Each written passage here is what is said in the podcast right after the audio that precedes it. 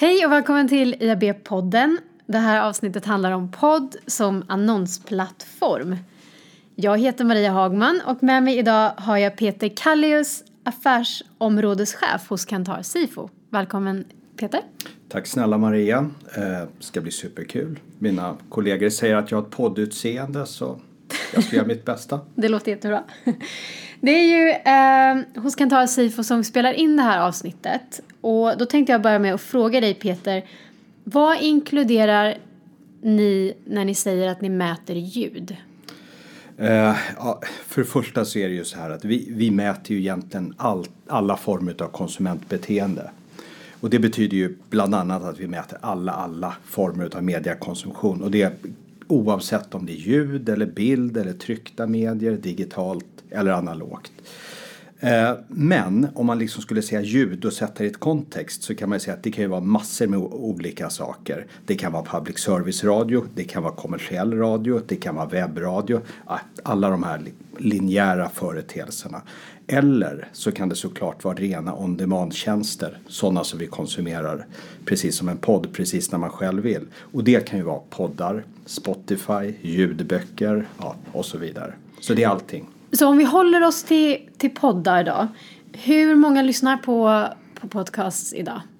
Eh, ganska många. Eh, det beror lite på hur man menar men om man tittar på veckobasis så är det ungefär 1,4 miljoner människor som gör det.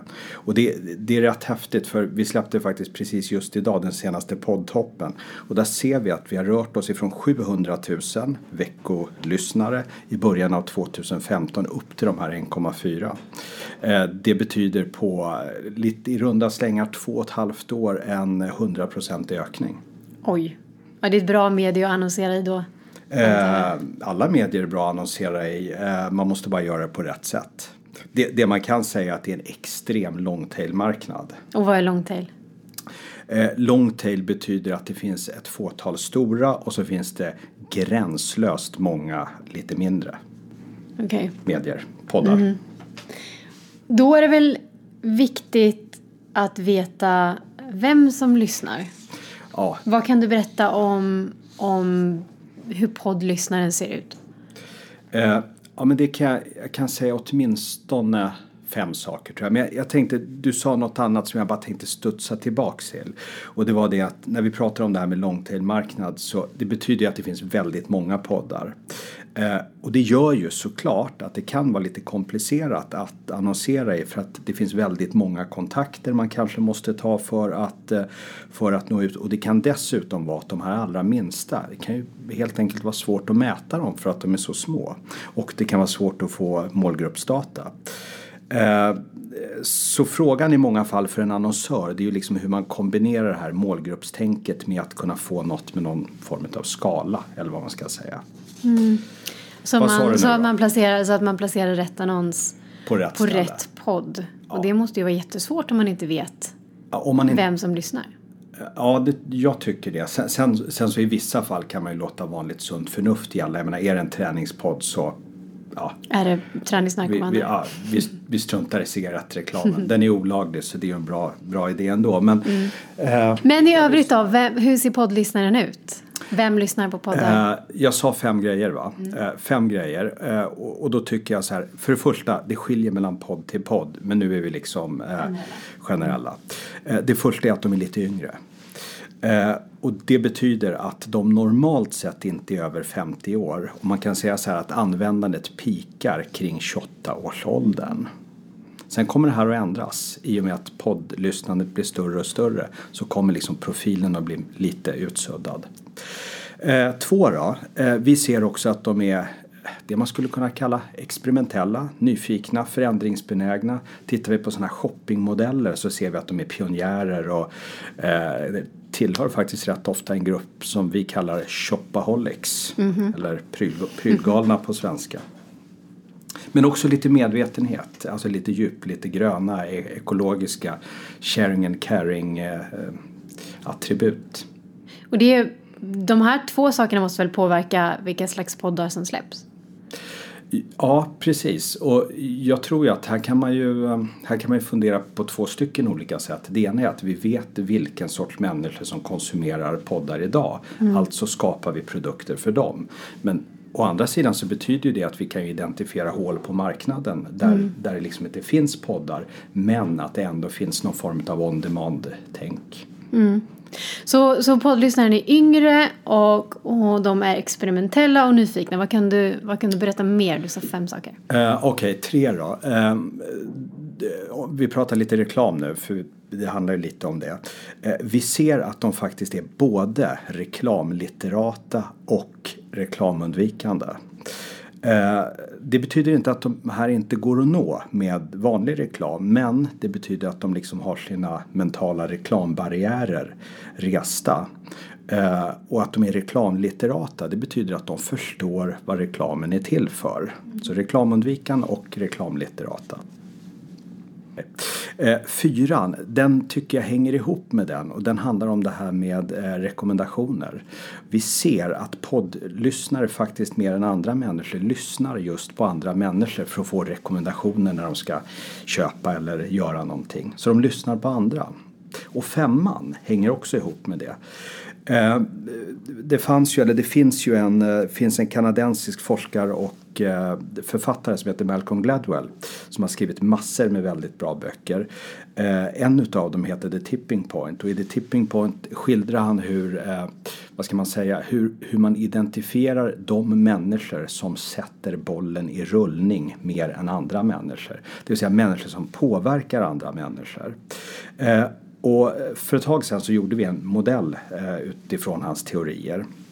Och när vi tittar på poddlyssnare utifrån det här så ser vi väldigt, väldigt tydligt att just poddlyssnare är, ja, vad ska man säga, eh, de är sådana, det, det han kallar champions. Och det betyder ju att det här är ett rätt bra sätt att förlänga, förstärka och fördjupa budskapet för det är en ganska hängiven krets människor som inte har något emot att dela med sig till andra människor. Så, så egentligen är det väl kanske, eller så att det är den som pratar i podden, är den personen mer av en influencer kan den lättare nå ut till den här misstänksamma, unga, medvetna målgruppen än en ren reklamsnutt? Ja, det, det, tror jag faktiskt. Och det, det, är ju, det finns ju massor av strategier för att liksom komma runt reklamundvikande. Eh, och det här är en utav dem eh, som fungerar alldeles utmärkt. Men jag, jag, tror som alltid när man liksom pratar strategier man gör inte en sak, man gör massor med saker. Men det här är ett sätt. Så hur ska annonsören bäst nå sin målgrupp? Då, då om, baserat på, på de här fem punkterna?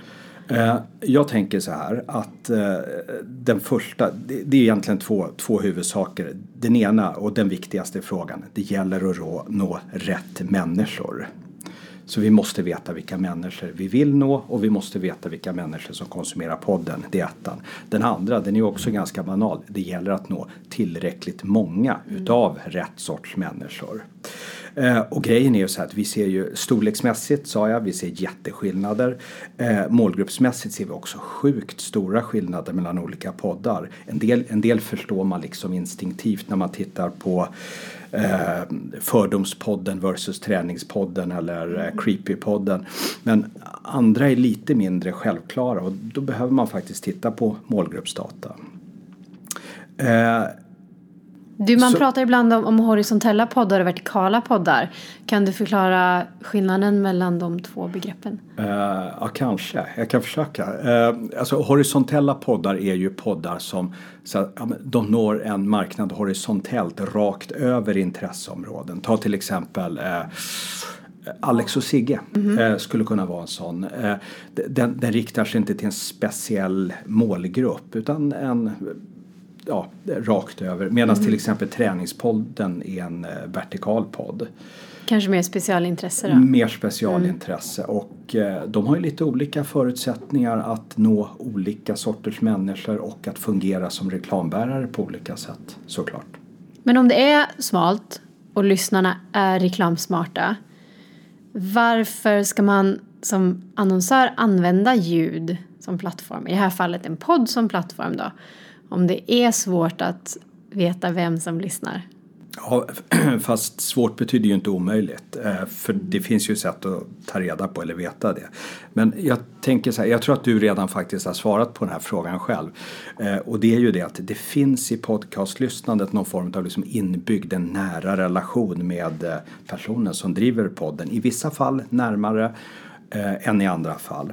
Och den här om man säger så här, som annonsör gäller ju att kommersialisera eller att använda, att utnyttja den här nära relationen. Ehm, och dessutom som jag sa förut att vi ser ju också att poddlyssnare lyssnar mer på andra människor än, än andra. Ehm, det vill säga än på kommersiell reklam. Så att eh, jag tror att det kan funka, funka bra.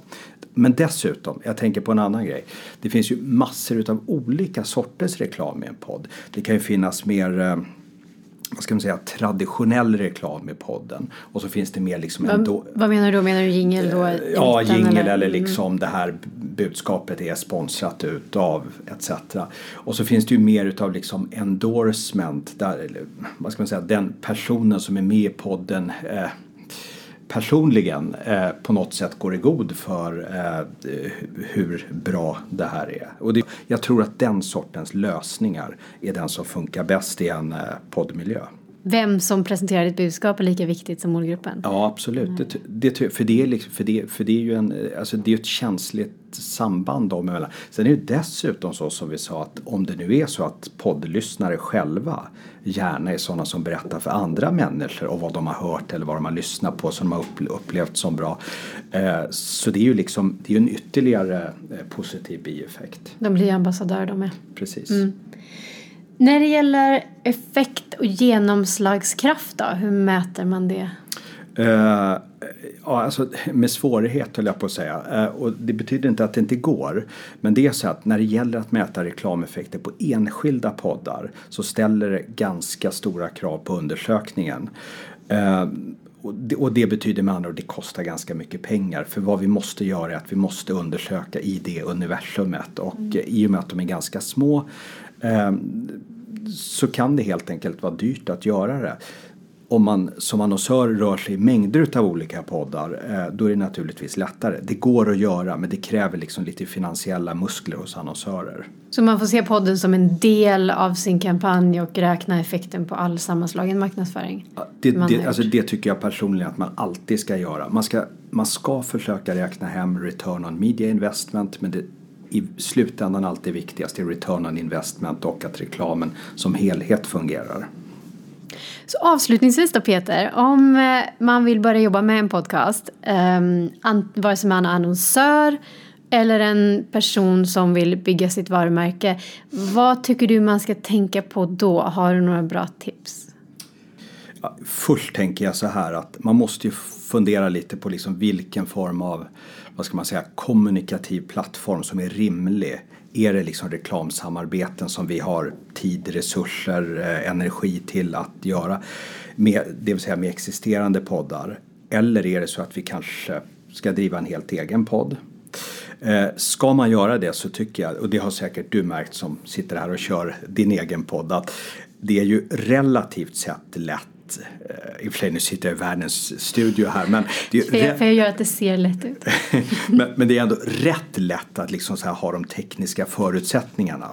Mm. Men, men det kräver ju otroligt mycket tid, engagemang. Sen så tror jag också att man ska inte överskatta som varumärke sin egen förmåga att eh, kontinuerligt skapa liksom vettigt, vettigt innehåll. Och, och sen är det ju frågan om, ska den vara vertikal? Ska den vara horisontell? Mm. Bred eller smal? Och så vidare.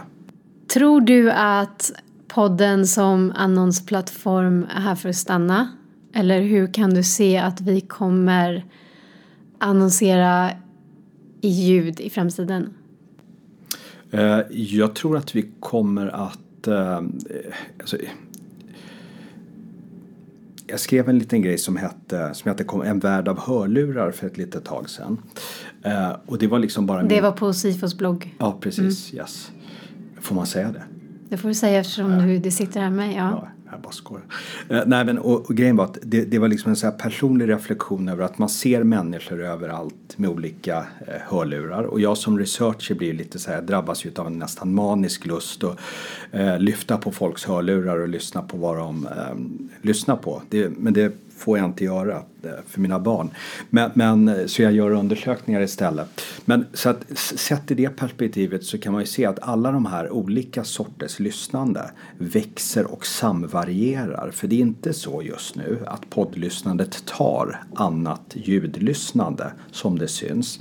Utan det är snarare så att det kompletterar. Så att jag, jag tänker så här att det är väldigt, väldigt sällan det kommer nya medier och ersätter andra kanaler. Utan de kompletterar kompletterar Och då kan man säga så här som annonsör eftersom vi pratar annonsörsmarknad så kan det vara lätt att tänka när det kommer nya grejer hela tiden att man tänker att oj, eh, jobbigt, komplicerat, jag hänger inte med. Men eh, jag tänker att man ska tänka så här att klaga på det, eh, det är ju lite grann att klaga, det är ju lite som en konstnär skulle klaga och säga så här, åh jag har fått så himla mycket färger på paletten, det är så himla svårt att måla nu. Men det låter ändå positivt. Så att, tack så jättemycket för eh, att du var med i IAB-podden Peter. Tack själv Maria. Och tack till dig som har lyssnat. Du hittar som vanligt mer om IAB Sverige, våra seminarier, taskforce och handböcker på iabsverige.se.